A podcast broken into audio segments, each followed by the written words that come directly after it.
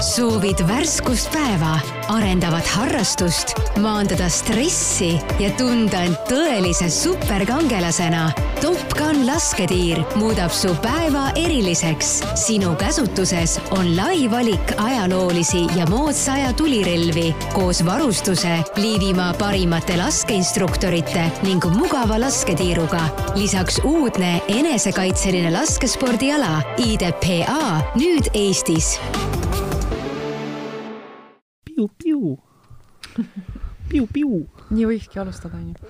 nii, alustamegi piu-piu. ühesõnaga, tere jälle kuulama saadet Ma olen mees. piu-piu. Mihkel juba siin tulistab piu-piu. ja, ja sellest tulenevalt ka meie tänase saate teema ehk siis laskmine, laskesport, relvad ja kõik sellega seonduv meil on stuudios peale Mihkli ja minu on stuudios meil Top Gun lasketiirust Einar, tervist! tervist! ja laskespets Tiina, tere Tiina! tervist! Maikal on muidugi maailma kõige ässam naine üldse, ma nagu julgeks nagu tänase õhtu baasil öelda tegelikult. jah, sest just äsja tulime lasketiirust piu-piu ja, ja siis seal saime lasta ja sellest nüüd räägimegi. seda, et seda, oota, ma lihtsalt ütlen, seda laskmise asja saab vaadata tegelikult sellest videost ka, mis me oleme siia kuskile juurde installeerinud, et kuidas nagu peab laskma ja siis kuidas Mihkel lasi. täpselt sellest tekib hea kontrast. aga Einari käest võib-olla siis küsiks alustuseks, sina tegeled siis Top Gun lasketiiruga, kuidas sa üleüldse selleni jõudsid kõigepealt? Ma paari sõnaga räägin enda taustast jah, et mul on pikaajaline korrakaitseline politseitöö kogemus, ka reservohvitserina militaarkogemus. Ja olen, olen päris mitmeid, mitmeid kordi oma, oma esimesi relvakogemusi oma loona jaganud ja see tegelikult pärineb kuskilt kuue-seitsmeaastaselt, aastasest poisist, kes enne, enne kooli, kooli minekut äh, käis läbi isa ja ema poolt kokku pandud õppeprogrammi alusel kodukooli. ja, ja üks, üks distsipliin oli siis, kuna, kuna isa oli mul tehnikumis sõjalise õpetaja, siis üks distsipliin oli ka nii-öelda väikene sõjaline väljaõpe. ja sellega seonduv ka kunstiline õpe.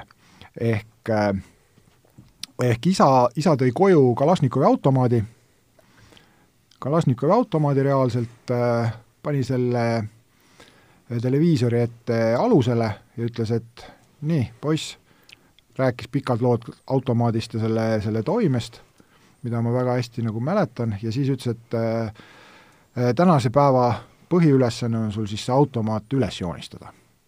aga kuna ema-isa lähevad tööle, vanem õde läks kooli, siis ma jäin üksipäini koju ja jäin üksipäini koju äh, reaalse Kalašnikovi automaadiga. eelnevalt oli isa lugenud mulle sõnad peale, et äh, see relv on lahingrelv, see ei ole äh, näppimiseks, hoiad distantsi ja mehe sõna selle peale, et relvaga ei lähe kuskile ja ei lähe ligemale kui meeter. vaadata võis, aga ainult silmadega? just nimelt. ja oma nii-öelda kunstiannet arendada. ja no mis veel oli ühele väikesele, väikesele jõmpsikale suurem, suurem tunnustus ja, ja, ja märk usaldusest. ja noh, eks see, eks see tegelikult on seda huvi ja, ja mõtteviisi tänapäevani saatnud. eks see oli nii-öelda nagu selline esimene, esimene kontakt ja, ja, ja kokkupuude, kokkupuude relvaga ja, ja siis tegelikult ka selle relvakultuuri eelduseks oleva vastutuse ja, ja usalduse printsiibiga noh, olen proovinud seda tänase päevani endas, endas kanda ja nüüd oma, oma, oma tütrele ka edasi anda. ütleme nii, et eh, Mihkel, kas eh, sinul oli ka seitsmeaastasena Kalašnikov laua peal? vist ei olnud ei, mul oli, äh, minu esimene kokkupuude relvaga oli oli vist, ma arvan, Kaitseväe teeni-, ei, valetan, siis kui oli, äh, oli see Eesti aeg tuli peale, siis minu vanaisa vend oli äh, siis nagu selles esimese vabariigi äh, ohvitser oli. Ja ta oli kuidagi ennem, kui ta Siberisse ära viidi ja ja maha koksati, siis ta, ta kuidagi suutis kuskile alla peita, kaevata mingi püstoli. Ja siis ma mäletan, ma käisin, ma võisin kaksteist või kümme või midagi niisugust, käisime isaga ja vanaisaga paugutamas seda.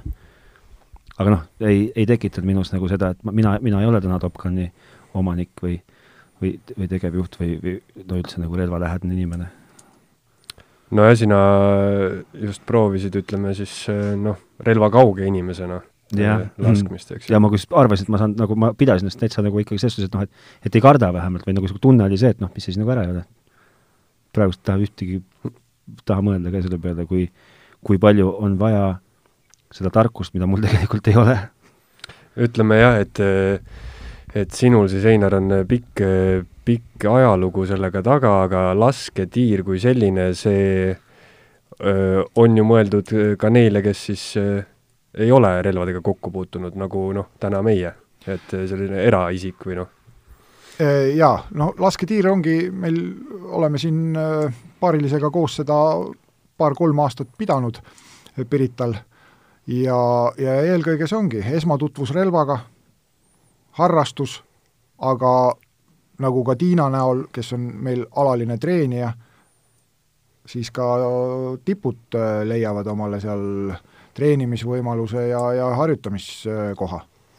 nüüd võib nagu mõelda, et noh, et treenida, et mis sa siis ära ei ole, et võtad, äh, laed salve ära ja võtad äh, õieti relva kätte ja paned enam-vähem ühe silma kinni ja teed paar äh, pauku ja ongi nagu, nagu tore, aga aga tegelikult, miks ma ütlesin, et Tiina on, on maailma kõige šefim naine üldse, on see, et ta on, laskesportlane on siis nagu, on nagu vist õige väljend, eks ju?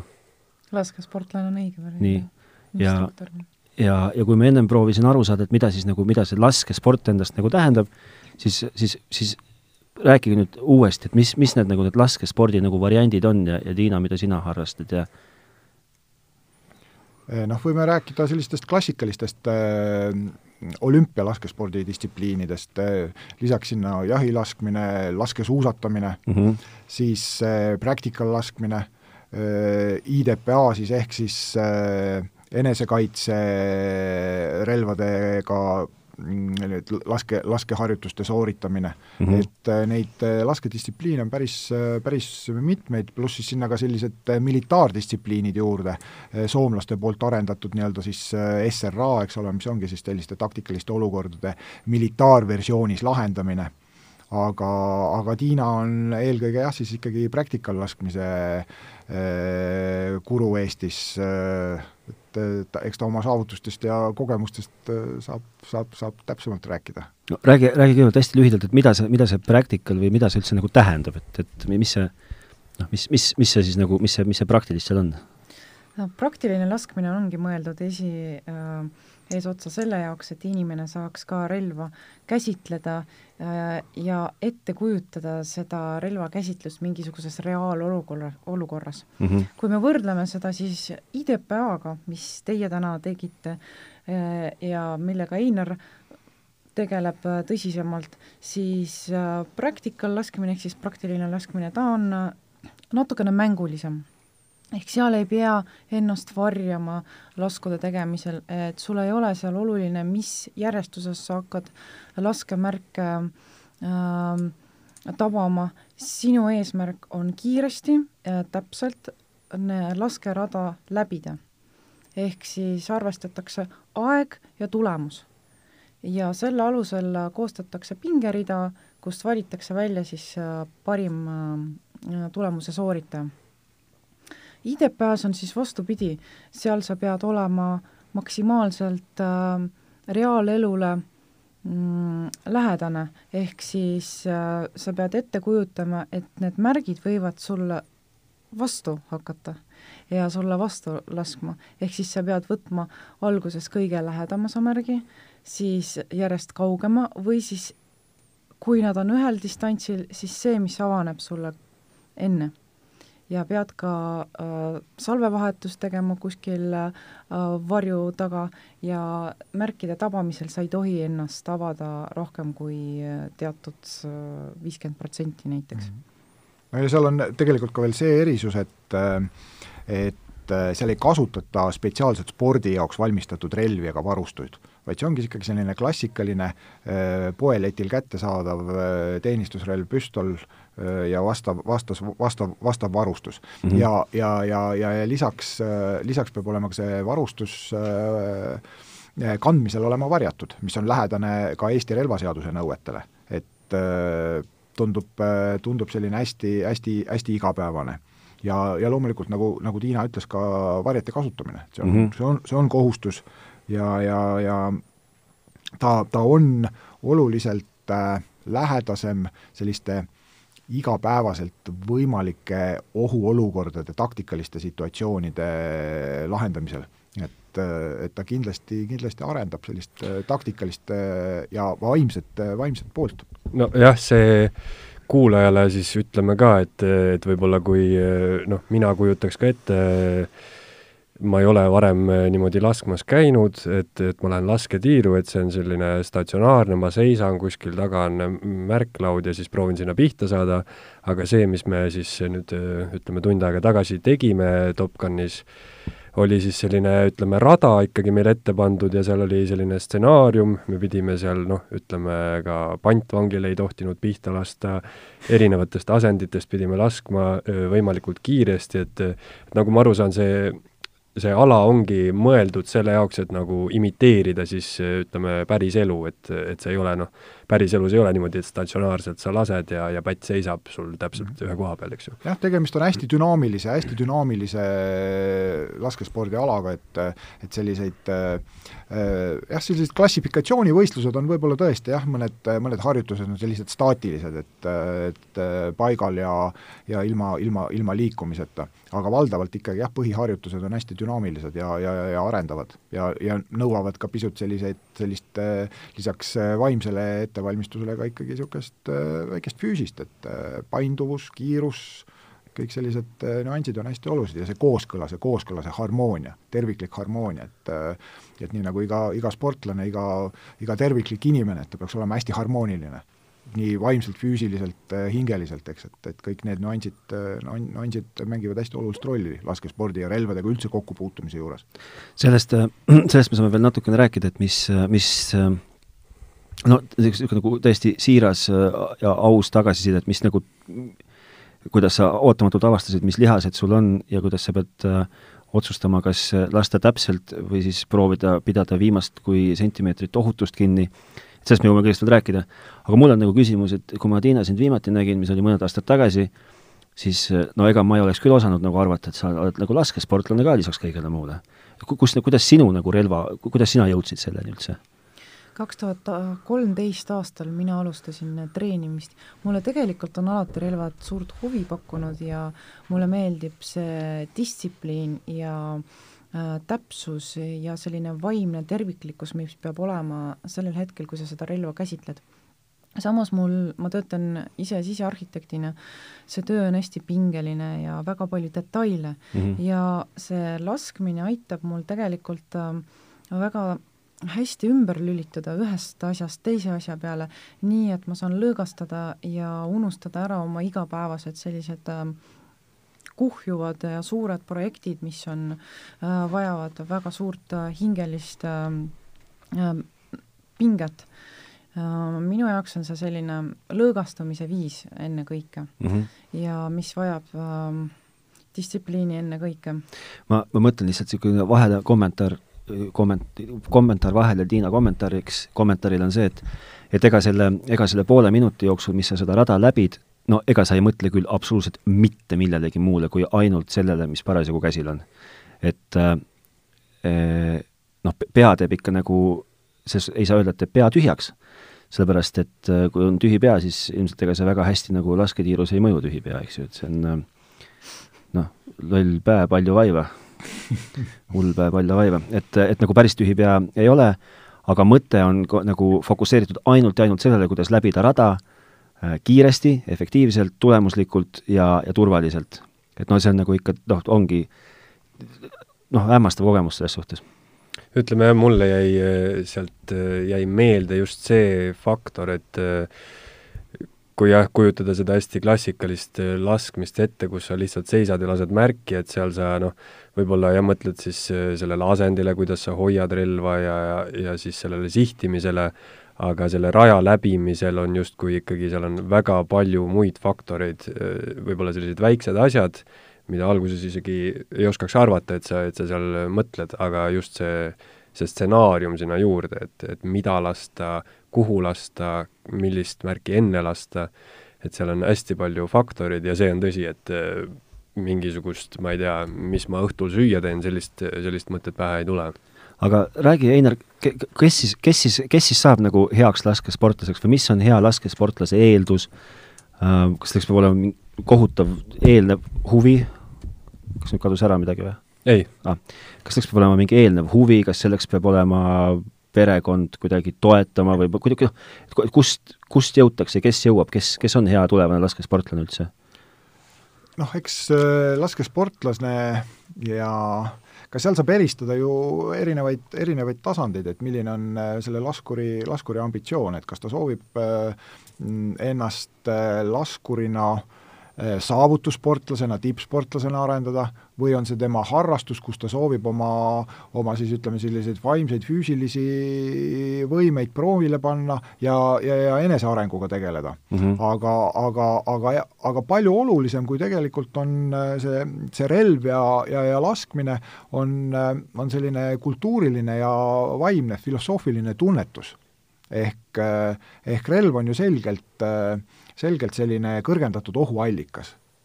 ja, ja, ja ennem, kui sa, kui sa relva juurde lähed või, või relvaga kokkupuude on, et sa pead nagu väga selgelt aru andma, et et mis selle vahendiga on võimalik toime panna. ehk see vastutuse printsiip on nagu hästi oluline ja, ja, ja igasugune füsionoomia, vaimne tegevus sinna juurde, tehnilised oskused, need on äh, teatud tasemel ja noh, sellisele tublile keskmisele Eesti harrastuslaskurile on, on igaühel praktiliselt omandatavad. et äh, sellised äh, baasoskused omandada ja, ja, ja ennast arendada, arendada, arendada, see praktiliselt igaüks on, on võimeline ja, ja, ja, ja, ja huvi, tahtmise äh, korral selliseks korralikuks laskuriks saama. ütleme, ise seda relva just äsja käes hoidnuna, siis äh, see tekitab küll mingisuguse kõrgendatud meeleseisundi, et sa saad aru, et, et see on nagu päris püstol ja teeb pauku. aga äh, Tiina, sa ütlesid, et sinule lihtsalt pakkusid relvad huvi, aga kust siis selline otsus, et hakata nagu tõsiselt spordiga tegelema ja käia võistlustel ja, ja kuidas sa nagu selleni jõudsid, et, et see nüüd ongi sinu, sinu teema? ma olen selline arvatavasti ambitsioonikas inimene lihtsalt, et hakkad proovima midagi, hakkab äh, tekkima huvi asja vastu ja siis juba tahaks nagu midagi saavutada. et äh, minu jaoks see harrastus alati peab olema ka mm, väljakutse. nii nagu töös, nii ka äh, harrastuses mina leian, et äh,, et kui midagi teha, siis teha maksimaalselt hästi ja mina alustasin treenimist äh, alguses treeneriga. Äh,, tulemused tulid suhteliselt kiiresti. Äh,, paar aastat tagasi osalesin Euroopa meistrivõistlustel, saavutasin kolmanda koha naisarvestuses, et minu jaoks on see väga hea uudis, sellepärast see oli esimene selline mm, niivõrd kõrge koht ka Eesti praktilise laskmise jaoks. ja see mind motiveerib need saavutused motiveerivad mind tegeleda selle asjaga rohkem, paremini ja otsida siis treenimisvõimalusi. Ja ühest sellisest treenimisvõimalusest me tahtsime ka äh, siin natukene rääkida, et Einaril on tõepoolest selline mõnus koht, kus äh,, kus saab käia ja, ja treenida nii Äh, laskesportlasel kui ka sellistel äh, inimestel, kes tahavad esimest korda relva kätte, kätte võtta. aga mis see kolmas koht Euroopa arvestuses, see on üsna kõrge tulemus, et äh, millist tööd see eeldab, kui mitu korda nädalas näiteks sa, sa käid harjutamas? kolm korda nädalas on mul üldfüüsiline treening ja kaks korda nädalas ma teen siis äh, trenni relvaga et see, see üldfüüsiline, nagu Mihkel ütles, et äh, avastas endal õlas mingisuguse ära peidetud lihase, et äh, ütleme, heaks tulemuseks peaks ikkagi olema ka füüsiliselt äh, väga heas vormis. kindlasti, see eeldab ikkagi liikumist ja nagu te küsisite ka tiirus, et äh, kuidas seda hingamist paika saada sellel hetkel, kui sa jooksed, oled nagu pikalt jooksnud, kükitanud mitu korda, üles tõusnud mitu korda, et see kuidas samal ajal hästi märki tabada. ehk see tegelikult eeldab ikkagi head füüsilist vormi ka. ma tahaks nagu öelda, et, et kogemuse varalt, eh, kui keegi ütleb laskesport, siis, siis esimene asi, mis mõtled, on, ma muidugi kohe ei, ma üldse ei tuleks laskesuusatamise peale, et see on nagu kuidagi nagu talisport minu jaoks, seda ma pean lihtsalt ütlema. aga sa, sa mõtled kohe automaatselt nende meeste peale, kes, või naiste peale, kes olümpiatiirus seisavad kangestunud käega, ühe kinnise silmaga ja lasevad mingist niisugusest imepisikese kaliibriga äh, Äh, püstolist, ma ei tea, kas see on üldse püstol on seal mingi muu nimetus, lasevad äh, pabermärki. ja nüüd, äh, nüüd seal Top Gunis teie juures käinuna, see, ma peaaegu et üks nagu plastilisemaid alasid, mida ma olen nagu kunagi proovinud, sest et seal on nagu hästi palju niisugust dünaamikat ja liikumist ja nagu plastika, sina oled ju kõva keelespets, on ju õige sõna selle jaoks? on. jah, et niisugune nagu hästi niisugune plastiline liikumine ja siis, mis kohe tekitaski minu jaoks küsimuse, et et kuidas minusugune niisugune mehemürakas saab seda üldse nagu harrastada, et, et kellel nagu head eeldused on. tuleb välja, et äh, jutust, et ikkagi kõigil on siis head eeldused. No tuleb välja, et ikkagi peab heas vormis olema. tööd peab tegema mm. -hmm. minul tuleb selle peale kohe meelde ju Muhamed Ali, eks ole, on ju, tantsi nagu liblikas ja nõela nagu mesilane mm. -hmm. et äh, ei olnud ka kõige väiksem mees, eks. tõsi, aga just jah, sellel, sellel noh, lisaks sellele äh, see võib tunduda, et no meie läbisime nii-öelda selle raja enam-vähem seal äh, poole minutiga, aga see tundub, et see on hästi kiire, aga lihtsalt äh, selle kolmekümne sekundi sisse nagu kuidagi siis tundub, et see aeg läheb nagu aeglasemalt või kuidagi sinna mahub nii palju asju, millele mõelda ja, ja noh, seda liikumist ja kõike, et äh, see on, see on, see on jah, lisaks liikumisele on see, on see laskmine konkreetselt, ta on hästi niisugune sa, sa ütled väga hästi, et selle kolmekümne sekundi sisse mahub tegelikult nagu mitu kolmekümmet sekundit. et sa pead kolmekümne sekundi jooksul kõigepealt käsitlema relva õieti. sa pead kolmekümne sekundi jooksul äh, suutma sihtida. sa pead kolmekümne sekundi jooksul suutma relva äh, laadida. sa pead kolmekümne sekundi jooksul mõtlema välja, kuidas äh, see rada läbida niimoodi, et sa ei komistaks, koperdaks ega laseks kõikidest asjadest mööda, et see nagu, see on, see on hästi mitu pisikest kolmekümmet sekundit ja vaatamata sellele, et ta on nagu niisugune hästi liikuv ja plastiline, on ta ka samas ülimalt intensiivne. ja noh, lisaks sellele sa pead äh, leidma ka selle kolmekümne sekundi jooksul äh, sihtmärgid ja eristama õige sihtmärgi ja, valest sihtmärgist, keda no see, tohib, keda ei tohi. see oli asi, mis mul väga hästi välja ei tulnud. mul läks üldse sihtmärkide leidmisega päris kesiselt aga mis, äh, ütleme, kui me võtame selle, selle konkreetse ala, et mis siis äh, noh, me kuulsime lasketiirus kahte märksõna, et äh, kiirus ja täpsus, aga, aga mis just selle, selle nii-öelda liikumislaskmise pealt, mis nagu kõige olulisem on, kas inimene peab olema kiire, täpne, kas on olulisem, ütleme, füüsiline vorm, on vaimne pool olulisem, et mis see nagu äh, mis see selline üks faktor on, mis teeb, mis teeb nagu hea tulemuse või hea laskja? noh, vundamendi tekitab ikkagi selles mõttes selline vaimne tasakaal, kõik hakkab mõtlemisest, kõik hakkab peast, kõik hakkab suhtumisest. aga, aga nüüd võib-olla, võib-olla Tiina, sa mul natukene parandad eh,, aga mul on selline kogemus, et kui practical'i, praktiline laskmine, seal on kiirusel pisut suurem osakaal siis äh, enesekaitse laskmisdistsipliini juures on pisut suurema tähendusega täpsus. on mul õigus? ma isegi teada ei oskagi sulle niimoodi kohe öelda, sest mulle tundub, et äh, need asjad on ikkagi balansis ka praktilises laskmises, et kui sa väga palju mööda lased, siis lõppkokkuvõttes sa kaotad punkte mm -hmm. ja siis, aga minu meelest ma täna nagu just äh, vaatasin, ega ma proovisin ka täiesti uut distsipliini enda jaoks ja avastasin, et tegelikult äh, kaotad äh, päris palju, kui sa natukene ikkagi märgist või sellest äh, just, ja seal on, konverteeritakse möödalasud äh, trahvisekunditeks. ehk trahvisekunditeks. äh, nagu pisut laskesuusatamise moodi, et Jah, lased aga- mööda, suusata rohkem või pannakse sulle aega juurde. ehk äh, mõnes mõttes niisugune nagu õiglane, aga, aga just see panebki nagu pisut nagu, nagu suurema tähenduse sellele eh, täpsusele. ehk eh, sa võid natukene, grammikene, loomulikult, ma olen nagu täiesti, et need peavad olema parlanksis, aga parem ole täpne ja grammikene aeglasem.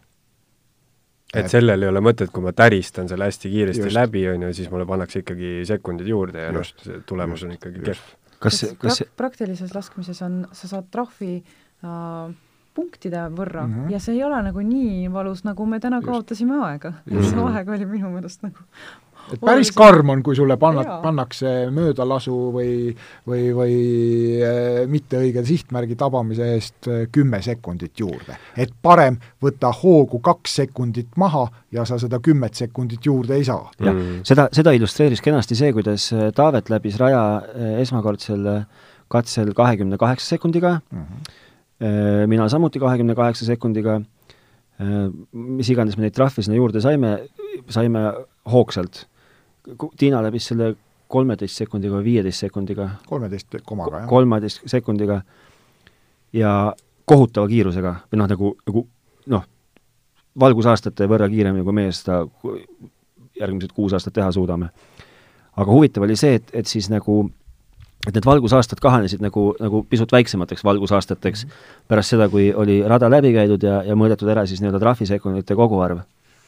ja selles mõttes ka mõeldes on ju tavaelu peale, siis kõige valusam aps on ikkagi see, kui sa lased valet äh, märki, eks ju, ehk siis äh, noh, põhimõtteliselt isikud, keda ei peaks laskma. mida ma muidugi tegin. kuulge, aga räägime, räägime nendest äh, relvadest ka, et mida kasutatakse. et mis, mis, mis relvad siis kasutuses on? me lasime, mida me lasime, me lasime püstolit. me lasime püstolit, aga, aga konkreetsest relvast jah, Tiina võib-olla saab isegi natuke lähemalt rääkida, et äh, ja see oli äh, Iisraeli tootja Pull üheksateist üksteist, kõige klassikalisem relv äh,, üks äh, esimestest, mis oli äh, kasutusele võetud äh,. see oli kümne äh, salvelise padrunimahuga ja kuidas ta tundus teile täna? tundus nagu hea, aga meil teises raundis oli probleeme selle laadimisega ja Mihklil ka salvevahetusega pidin katkestama kahjuks sättis klahvi. aga aga relv ise on nagu hästi selline tõesti äh, mõnus ja palju relvi on ka selliseid, mida saab äh, valida äh, kas natuke väiksemaid nad võivad olla näiteks plastikrelvad, mm -hmm. näiteks nagu Cherokee mudel, mina oskan rääkida väga palju just äh, pulltehase äh, relvadest, kuna pulltehas on äh, minu sponsor, minu kui sportlase sponsor ja ma esindan ka seda tehast äh, Eestis, et meil on siin väike selline äh, ladu olemas, kus saab neid relvi butiik, vaadata. butiik. butiik jah, täpselt, Relvabutiik. kole sõna et relvabutiik, kus saab erinevaid relvi käes hoida ja proovida Eh, on olemas ka väiksemaid mudeleid, mis ei ole plastikust, vaid on nagu selliseid äh, täis äh, rauast mudelid, on olemas kõikvõimalikke sportmudeleid, no nägite, te täna nägite ka, et need sportmudelid on hoopis teistsugused, et mm -hmm. nagu sellised suured, võimsad, et neid ei ole nii kerge kuskile peita. Ehk siis äh, tõepoolest, et sa saad neid ainult niimoodi kanda, kui nad on sul fikseeritud kabuuris ja see kabuur on nähtav, ehk siis see on nagu äh, praktikaliseks laskmiseks välja mõeldud relv. mm. -hmm. Kui- aga ma lihtsalt tahtsin, kui ma, kui ma peaksin järgmine kord äh, sinna sattuma laskma Piritale teie juurde ja ma kavatsen seda teha, aga kõigepealt ma pean maha rahunema ja saama sellest esmasest emotsioonist üle, sest et mul on nagu tõesti, see on nagu väga veider emotsioon. Ma ei oleks nagu endast oodanud seda, kuidagi imelik on olla jätkuvalt, heas mõttes. siis ma tahaks proovida, ma tahaks proovida veits väiksema relvaga järgmine kord lasta. Ja me saame kindlasti proovida ka väiksema relvaga ja neid väiksemaid relvi on äh, tõesti suur hulk, kusjuures, et neid saab vaadata pulsstore.ee koduleheküljel mm, -hmm. et äh, see valik on äh, väga suur ja põnev. okei okay., kas teil on see mingis mõttes ka ühendatud, et kui ma tulen Top Guni, kas ma siis saan proovida neid pulrelvi? me saame organiseerida kindlasti mm, -hmm. lihtsalt peab Einarile eelnevalt teada andma okay.. see, mis puudutab nagu meie seda tiirurelva valikut, siis äh, siis me oleme ka üheks eesmärgiks võtnud selle, et, äh, et meil oleks äh, noh, võimalikult maksimaalne ja lai valik erinevaid kaliibreid ja erinevaid relvatootjaid. Ja, ja, ja meil on tiirus ligi nelikümmend erinevat relva, alates väikestest miniatuursetest väiksekaliibrilistest revolvrist kuni äh, kuni Heckler Kochi G kolmekümne kuue tsiviilversioonini, ehk siis äh, selline tõsine militaarrelv, millega noh, näiteks John Wick oma esimeses filmis jooksis väga usinasti, usinasti ringi.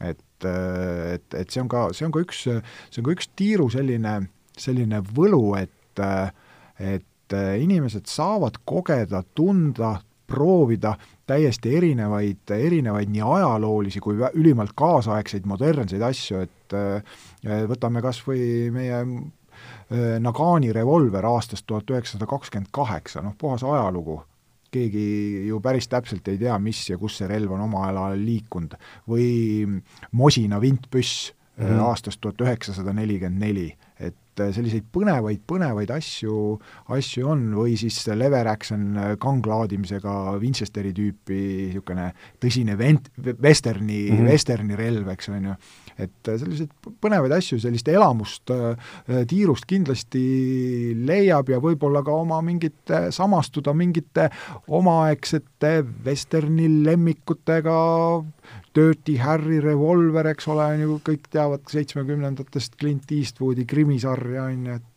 et selliseid põnevaid, põnevaid lugusid, iga relvaga käib ju tegelikult lugu, on ju, et et seesama Ninety Eleven tuhat üheksasada üksteist, mida millest, millest Tiina siin ka rääkis, et et see on ju kõige klassikalisem jah, püstol, mis, mida toodetakse siiamaani. mis see Ninety Eleven on, ta ongi tuhat üheksasada üksteist aastal konstrueeritud Colti tehastes, nii kurioosne kui ei ole, isand Browningu poolt, eks mm. -hmm. ja, ja, ja siiamaani toodetakse erinevat et suured tehased on litsentsi võtnud ja seesama Pull, eks ole, on üks, üks, üks nendest.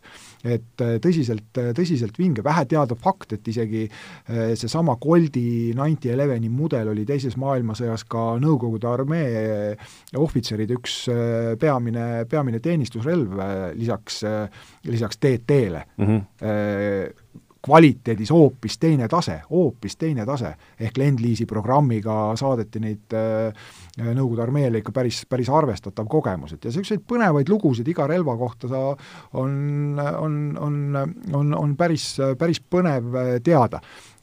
kunagi, kunagi ka ühes, ühes saates sattusime kellegiga diskuteerima äh, ja, ja, ja küsimus oli see, et kas, kas arvutimängude mängimine siis äh, aitab, äh, aitab ka nagu laskmisele kaasa, on ju. ja, ja ma tõin sealt äh, paralleeli, paralleeli sellega, et et kunagi küsiti Indrek Selinski käest, et, et kui, kui seal poisid mängivad jalgpalli, eks ole, on ju seal oma arvutis, et kuidas, kuidas see suhestub nagu päris jalgpalli. noh, Indrek ütles selle peale, et noh, et unustage ära, et seal nagu ei ole. aga, aga üks väike võlu siiski on üks võlu on see, et, et noored, kes tulevad tiiru, mm, võib-olla nad tehnilist-taktikaliselt jah, tõepoolest, sellel ei ole nagu mingisugust erilist tähendust, aga nad teavad relvadest. Nad mm -hmm. teavad relvadest, nendes arvutimängudes on ju täpselt needsamad reaalsed relvad, nad teavad relvade lugusid ja seesama arvuti jalgpallur, ta teab lisaks ju Ronaldo särginumbrile, ta teab tohutult palju mm, -hmm. kuigi, kuigi võib-olla ta ei ole ise elus jalgpalli mänginud. relvadega täpselt sama lugu, et seal on ka see kultuurilise, ajalooline pool on nagu ikkagi hästi, hästi põnev, vaatamata sellele, et võib-olla inimene ei ole kunagi üldse relvadega kokku puutunudki, aga ta teab nendest väga palju ja seda on päris, päris huvitav, on see. Vaata, kaks küsimust tekib mul siin kohe, sa, sa rääkisid hästi palju relvadest, erinevatest relvadest nende võistluste või selle, selle laskedistsipliini juurde tagasi tulla või distsipliinide mm -hmm. juurde tagasi tulles ähm,, no on ilmselge, et kui on äh, ujumise Euroopa meistrivõistlused, siis äh, Taavet ja, ja Tiina omavahel ei võistle. seepärast, et nad on äh, noh, nad lihtsalt ei võistle, mehed võistlevad meeste klassis, naised võistlevad naiste klassis äh,. Täpselt samuti ei võistle Taavet koos teise mehega, kellel on jalas lestad, sest et nii lihtsalt ei ole see asi Ku-, kuidas, kuidas nende, nende laskmisspordialade juures on, kas, kas seal lastakse, kas mehed-naised võistlevad koos? kas lastakse samadest relvadest, kas iga mees võib tulla oma relvaga, iga naine võib tulla oma relvaga, kuidas nagu see loogika toimib? Äh, üldjuhul ikkagi igaüks tuleb oma relvaga, aga nüüd äh, relvad on täiesti erinevad äh, alates ka-, kaliibrist, salve mahtuvusest, muudest tehnilistest nüanssidest, et relvad, relvad jagunevad, noh lisaks on ju veel eks näiteks püstol, revolver mm, -hmm. nad äh, ei saa kunagi ühes äh, klassifikatsioonis äh, osaleda, sest nende, nende parameetrid on äh, täiesti, täiesti erinevad. et nagu seda, seda ohtu ei ole, et üks tuleb selle tuleb äh, pisikese kahekümne kahesega ja teine tuleb, äh, mis iganes see järgmine suurus sealt võib olla, noh et et kaks erinevat nagu täiesti samas, võistlevad kaks inimest, kellel on kaks täiesti erineva kaliibri relva, et, et nagu, et ikkagi kuidagi see asi on ei, nagu võrdsustatud, eks ju? ei, ei kujuta ju ka tegelikult jah ette, et kärbes kaas-, kaallane läheb raskekaalupoksijaga kokku. ei kujuta ette ja, ja teine küsimus, mis, või sa tahad rääkida, öelda midagi? ja, ja samamoodi need naiste-meestega on täpselt äh, samamoodi, et on olemas erinevad klassid mm, -hmm. on olemas äh, juuniorid, on olemas naisteklassid ja on olemas üldarvestus. ja üldarvestuses näiteks Euroopa meistrivõistlused, kui ma mäletan õigesti, siis oli ka äh, kas kolmanda või teise koha saanud naisterahvas, kes alustas treenimist äh, noorena, ta alustas äh, vist kolmteist või neliteist alustas treenimise, praegu ta on kakskümmend pluss ja ta on maailma parim äh, laskur naisterahvas. okei okay.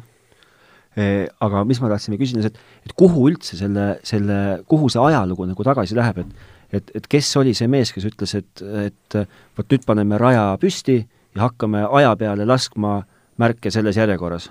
Et kust see nagu tuleb? Äh, siis me peame minema jah natukene ajas tagasi ja on üks äh, USA kolonel Jeff Cooper, äh, keda peetakse siis sellise praktilise laskmise, laskmise isaks.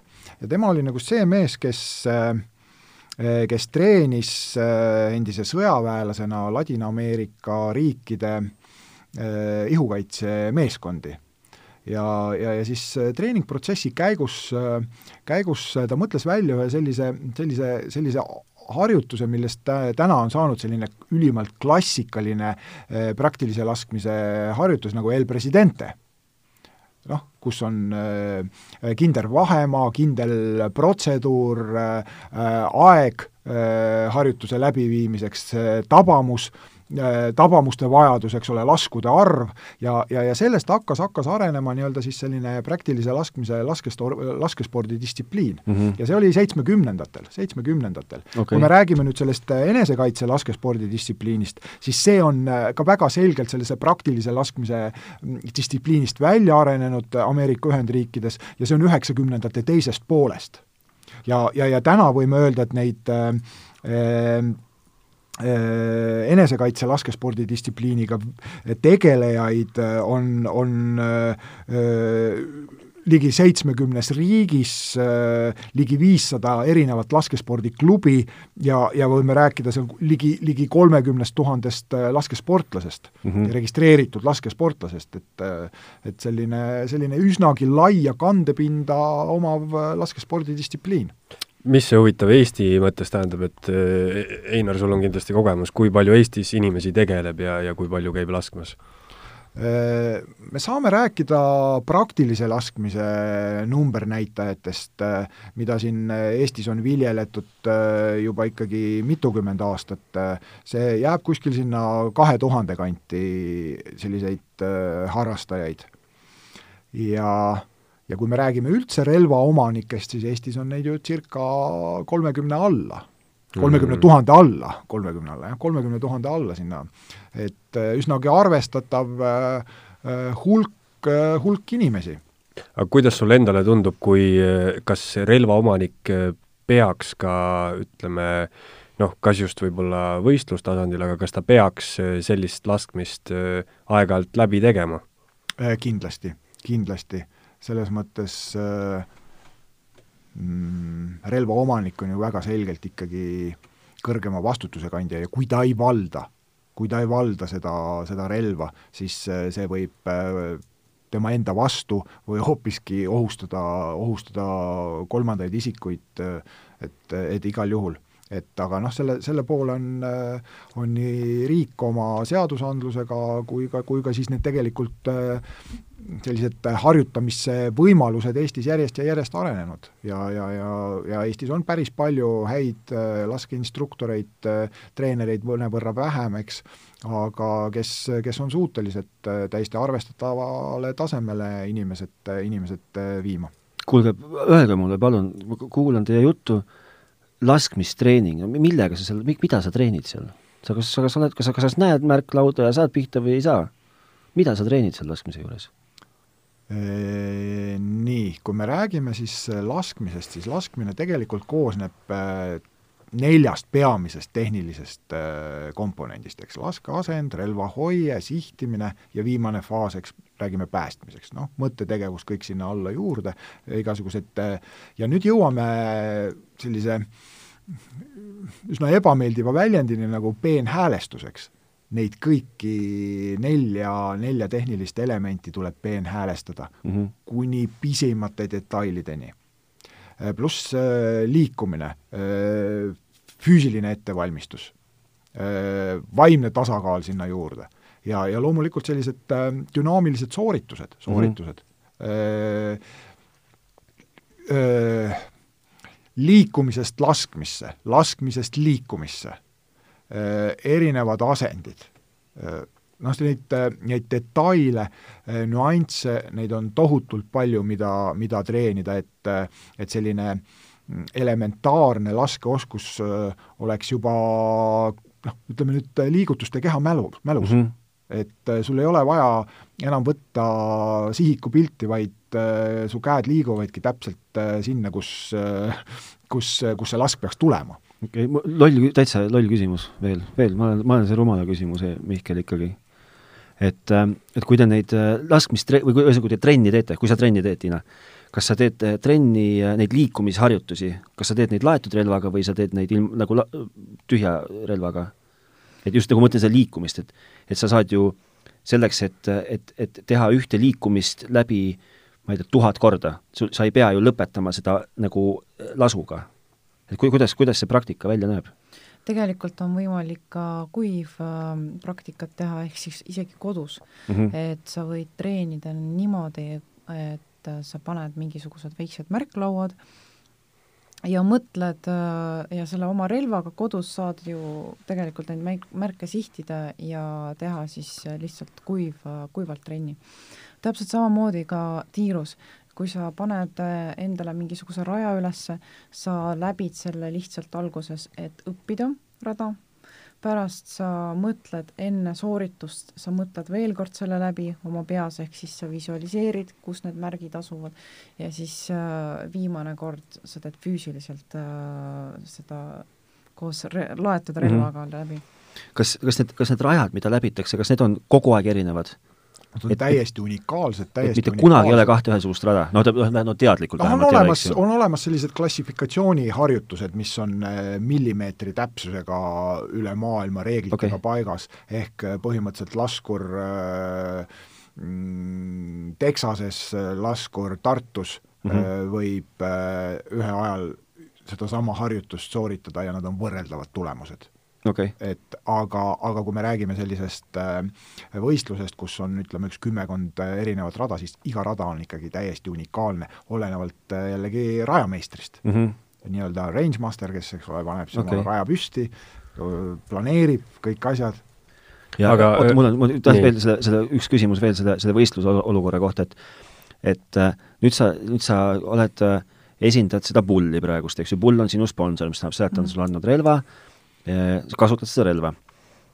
ennem kui sa alustasid, siis ta ju ei olnud sinu sponsor. mis tähendab seda, et sul oli mingi, mingi teine relv suure tõenäosusega mm. -hmm. kas, kas relva vahetudes hakkab kogu see peenhäälestus jälle nullist pihta?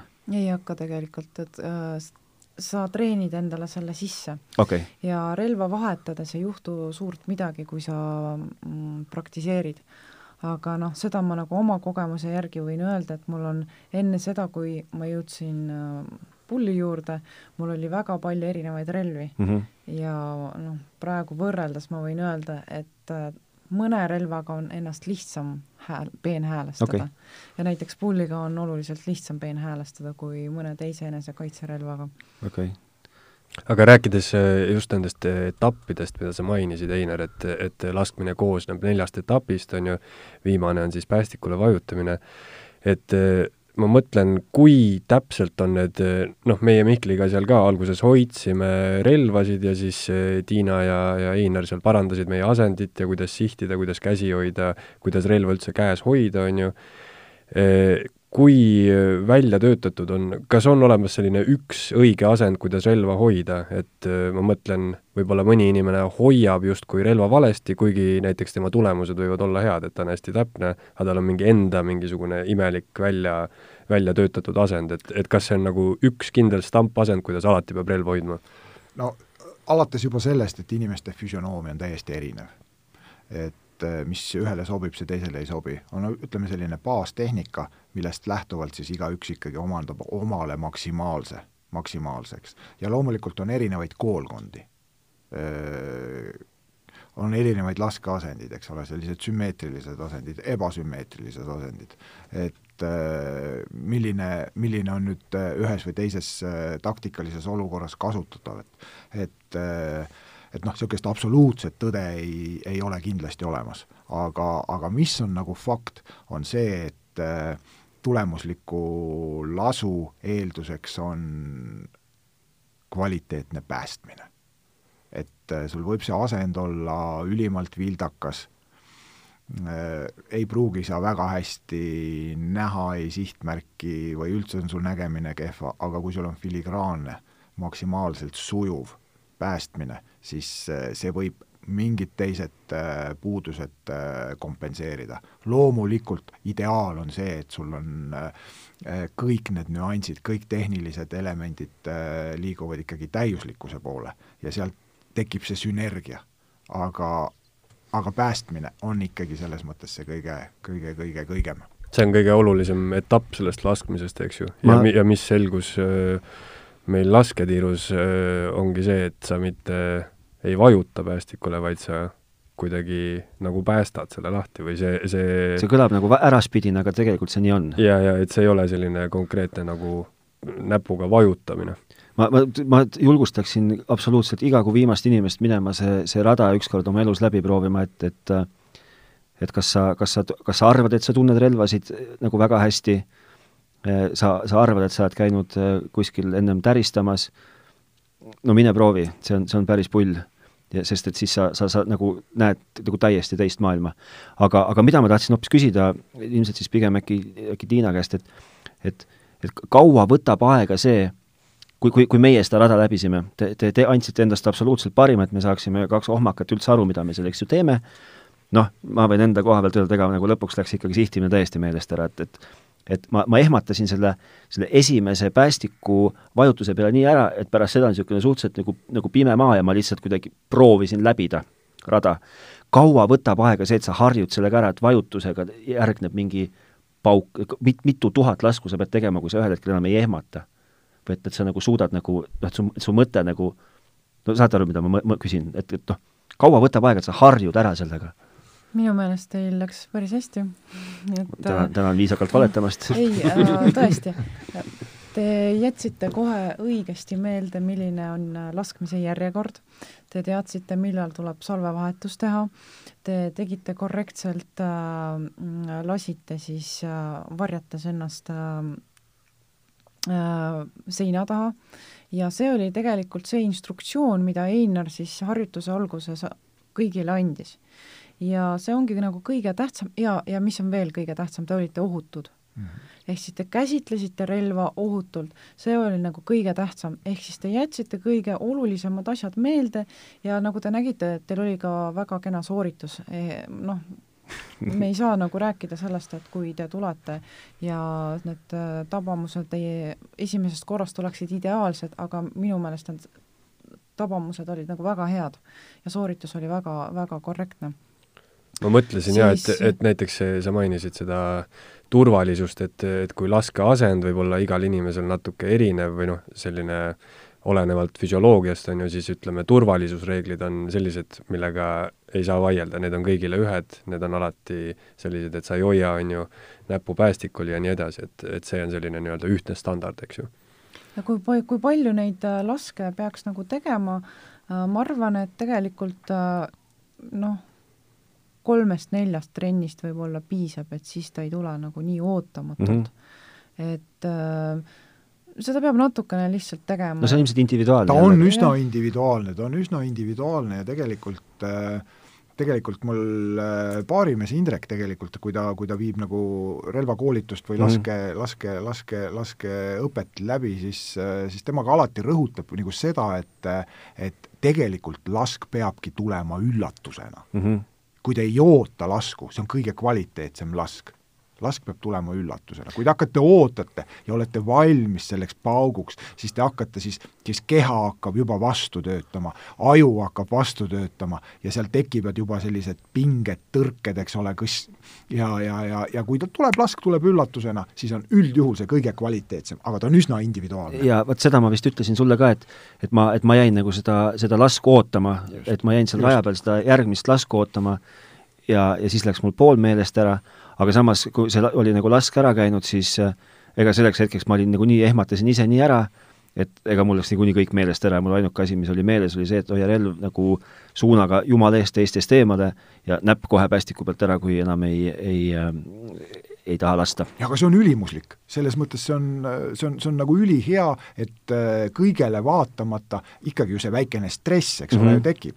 et sellele suudad säilitada selle kaine meele, et ohutus, ohutus, ohutus mm -hmm. on Mhm. kõige olulisem. sest äh, toon ühe, ühe väikese uuringu äh,, nii USA-s kui Soomes on päris palju uuritud seda, et kuidas stressiolukorras üldse relva kasutamine toimub. USA-s on uuring selle kohta, et äh, et politseinik, väljaõppinud politseinikud, kelle tavaolukorras tabamusprotsent on seal kuskil üheksakümmend kuus, noh, maksimaalne praktiliselt mm. Mm -hmm. ja kui nüüd äh, äh, stressist tulenev, mitte füüsilisest pingutusest tulenev pulsitõus on seal kuskil saja kuue, kaheksakümne peal, stressist tulenev, siis soorituse kvaliteet langeb kuueteist protsendi peale Mm. väljaõppinud politseinik. Kujutage siis ette, millises olukorras on äh, inimene, relvaomanik, kes käib äh, aastas võib-olla korra või kaks tiirus harjutamas. ma arvan, ja ma ei eksi ilmselt, äh, kui see on miinusmärgiga.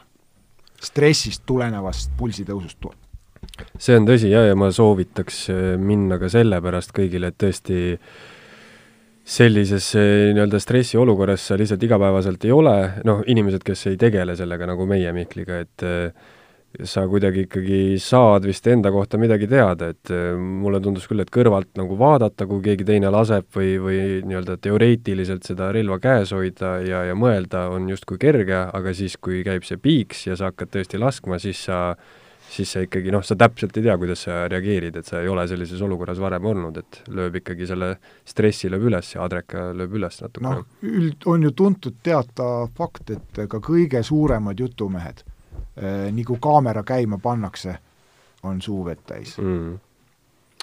nii on, aga, aga rääkides sellest, et, et noh, mõnele asjale me saime pihta, et me seal noh, ots-, mõtlesime turvalisusele, mõnele märgile saime ka pihta, et, et mis need kõige suuremad vead on, mida inimesed teevad, võib-olla sellised algajad nagu meie?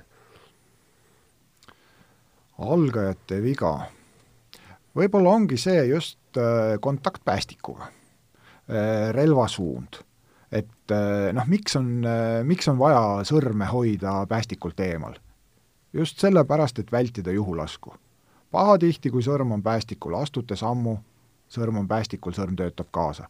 nii kui keha pöörab, sõrm töötab kaasa ja see juhulask on väga lihtne tulema ja see õnnetus on nagu väga lihtne tulema. ehk see ongi nagu pi- laskmist läbi viiva instruktori peamine, peamine ülesanne, mitte siis äh, lugeda punkte, vaid tagada ohutus. et äh, et inimesed läheksid äh, nii, nii füüsiliselt kui vaimselt oluliselt tervemana tiirust ära, kui nad sinna tulevad. ehk äh, laskesport on kindlasti ka üks äh, teraapia for-, vorme, üks tera-, teraapia selles mõttes stressimaandus, absoluutselt. sa lülitadki, nagu me enne rääkisime, on ju, Tiina rääkis oma maksimaalsest keskendumisest, eks ole, iga soorituse puhul, siis, siis täpselt samamoodi, kõik muremõtted jäävad tiiru ukse taha see jah, see juhulask on tõepoolest, ma kujutan ette, et see on kerge tulema, sest päästik on ikkagi üsna tundlik ja, ja noh, selle samal põhjusel siis, miks me rääkisime, et, et see lask peab olema hästi sujuv ja sulle endale ka nagu natuke üllatusena tulema, eks ju.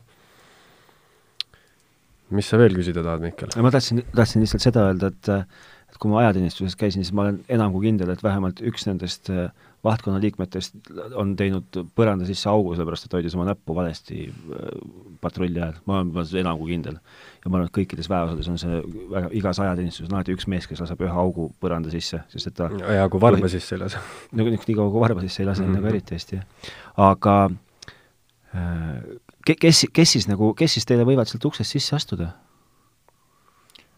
No meie ootame omale külla kõiki inimesi, kellel on äh, vähegi, vähegi huvi, tahtmist, kellel on distsipliinitunnetus paigas, kõik on, kõik on oodatud, me anname endast absoluutselt maksimumi selleks, et inimene saaks äh, esmakogemuse või siis juba harrastaja tasemel äh, ikkagi relvaga esiteks ohutult ja teine, teine pool ikkagi selline emotsionaal, emotsionaalne ja adrenaliinirikas äh, kogemus kindlasti. kas mingid vanusepiirangud kehtivad ka või, või kuidas sellega jaa, on ikka, vanusepiirang äh, alates kaksteist. kaksteist? just. aga kui tuleb kaheteist, ma võtan oma poisi kaasa, tulen sinna, mis, mis relva te talle annate üldse? Noh, ilmselt on ikkagi mõistlik ja seda me oleme ka praktikas äh, kogenud, et äh, hakkame pihta väiksekaliibrilisest, ehk okay. siis äh, kakskümmend kaks ja võib, lähme siis edasi sujuvalt juba võib-olla seal õlalt lastava üheksa millimeetrise püstol kuulipildu okay. analoogi peale, aga, aga mõistlik, mõistlik on ikkagi sellises vanuses alustada väiksekaliibrilisest püs-, püstolist, püs-, püssist, revolvrist. okei okay ja võib tulla ka inimene, kes siis, kellel on enda relv olemas? Jaa, absoluutselt, rendime ka tiiru välja treeninguteks, ongi, ja ohutuse tagamisel just juhuslikud inimesed, võõrad inimesed üheaegselt tiiru ei satu, ehk tiir antakse ja renditaksegi mitte radade kaupa, vaid ikkagi tiirurent ongi tervikuna inimestele, kes, kes teavad, tunnevad, äh, usaldavad üksteist ja suudavad üheaegselt äh, laskeharjutusi, noh, ma pean silmas just äh, oma relvaga treenides, eks ju, et kui ei ole meie tiiruinstruktorit juures no ma arvan, et selle saate võiks lõpetada, mul tuli praegu meelde, mis Einar meile enne laskmist rääkis. kui sa, aga kui sa hakkad lõpetama, siis mul üks küsimus on veel ennem. küsi. kuhu edasi, Tiina, siis millal siis maailmameistriks hea küsimus, tegelikult see on nii suur töö ja nii äh, keeruline, ehk siis äh, kui sa treenid nii suureks äh, ürituseks nagu maailmameistrivõistlus, siis peab olema tagatud äh, äh ka sellised äh, välilaskeplatsid. Mm, -hmm. meil on veidi problemaatiline tegelikult siin äh, äh, treeningutega just äh, välitingimustes. Äh,, siis äh, kindlasti läheb väga palju moona ehk siis nädalas lased kuskil kuussada, võib-olla tuhat, kui arvestame kokku võistlused ja arvestame kokku trennid, pikemad trennid. ehk noh, kuus tuleb siis keskelt kolm tuhat, neli tuhat äh, padrunit ja see, see on tegelikult äh, kulukas mhm. mm. -hmm. arvestame aja kokku, sul on vaja, et sind keegi jälgiks, eks peaks olema treener, kes annab sulle objektiivset tagasisidet, sa iseennast ei näe kahjuks mm. -hmm. sa ei näe, mis, milliseid sa teed vigu ja sa võid muidugi ennast filmida, kaamera pealt vaadata, aga alati on hea selline äh, otsene tagasiside, et äh, kui oleks võimalus, siis treeniks ka rohkem, lihtsalt praegu on tõesti nagu natukene keeruline just nende vahenditega. et nagu igal sportlasel üks hetk tekib see küsimus, et et kas ma jõuan ja ka kas ma jaksan, et et kui ma suudan sellele küsimusele vastata, siis arvatavasti jõuab ka edaspidi trenni teha. kui ei, siis, siis arvatavasti jääb nagu see tulemus maksimaalseks tulemuseks minu äh, laskekarjääris. kindlasti tahaks loota parimat, aga eks siis elu näitab. no aga siit üleskutse moonatootjatele mm. -hmm. siin on üks inimene, keda võib sponsoreerida no miks moonatootjatele, ma kujutan ette, et see võib olla ükskõik, kes aitab selle neli tuhat lasku sooritada mm -hmm. maade eest. tõsi. Ja mul oleks väga hea meel kindlasti, nii et ähm, otsige mind üles, ma olen Instagramis Tiina Kontšarova ma tean just, et üks, üks hasartmänguettevõte lõpetas just ühe jalgpallimeeskonna toetamise ära, et et aa, vot, väga hea, aga see on ju oluliselt huvitavam miks... kui jalgpall. noh, muidugi. kas, kas on ikka muidugi on aga ma lihtsalt nagu, mina omalt poolt lõpetuseks ütleks, et äh, minge käige Top Gun äh, lasketiirust läbi ja öelge, et te tahate teha seda äh,, seda võistlusrada proovida olenemata siis sellest, kas ta on see praktikaline, praktiline või, või mis iganes see teine oli, sest et ma ei hakka neid lühendeid ütlema siin valesti uuesti, minge proovige ja see, see on, võib-olla ma olen lihtsalt nagu erutunud nagu liiga kergesti ja, ja olen ülimalt emotsionaalne, aga noh, see on, see on täiesti teistmoodi kogemus, kui lihtsalt võtta äh, mingi automaat selga ja panna mingi prõtt kuskile pimedusse ja see, see mõte, mis mul meelde tuli, on see, et, et relvad on mõeldud, nagu Einar vist äh, räägib ka nooremale rahvale, relvad on mõeldud inimestele, kellel on nagu nupu all kõik korras ja, ja südames ka kõik korras. Mi-, mis sa täpsemalt mõtlesid selle all, Einar? ma mõtlengi seda jah, et, et enne, kui, kui relvade ja laskmisega kokku puutuda, siis tuleb nagu väga selgelt enda sisse vaadata, tajuda seda, et peas on kõik korras, aga sellest on üksi vähe kurje geeniuseid äh, on maailm täis. Äh, tuleb vaadata ka oma sisse, äh, südametunnistus ja ei oleks aju ja südame vahel konflikti lühist. kui see lühis on, tehke asjad korda ja tulge tiiru. vot niisugused lood, mina omalt poolt tänan teid kahte, et te avasite mu silmad jälle, järjekordselt on mu silmad avatud täiesti uues suunas, aitäh, et külla tulite, aitäh, et külla kutsusite mis sa ütled? mis viisakas poiss ütleb? mina ütlen ka aitäh, väga hea kogemus ja soovitan kõigile, kes tahavad enda kohta midagi uut teada saada või ennast panna kuidagi olukorda, kus me võib-olla igapäevaselt ei viibi. ja tulge kindlasti uuesti. Tuleme. ma natuke nüüd rahunen aga aitäh teile! väga selge! aitäh, kõike head! Soovid värskust päeva, arendavat harrastust, maandada stressi ja tunda end tõelise superkangelasena? Top Gun lasketiir muudab su päeva eriliseks. sinu käsutuses on lai valik ajaloolisi ja moodsa aja tulirelvi koos varustuse, Liivimaa parimate laskeinstruktorite ning mugava lasketiiruga. lisaks uudne enesekaitseline laskespordiala IDPA nüüd Eestis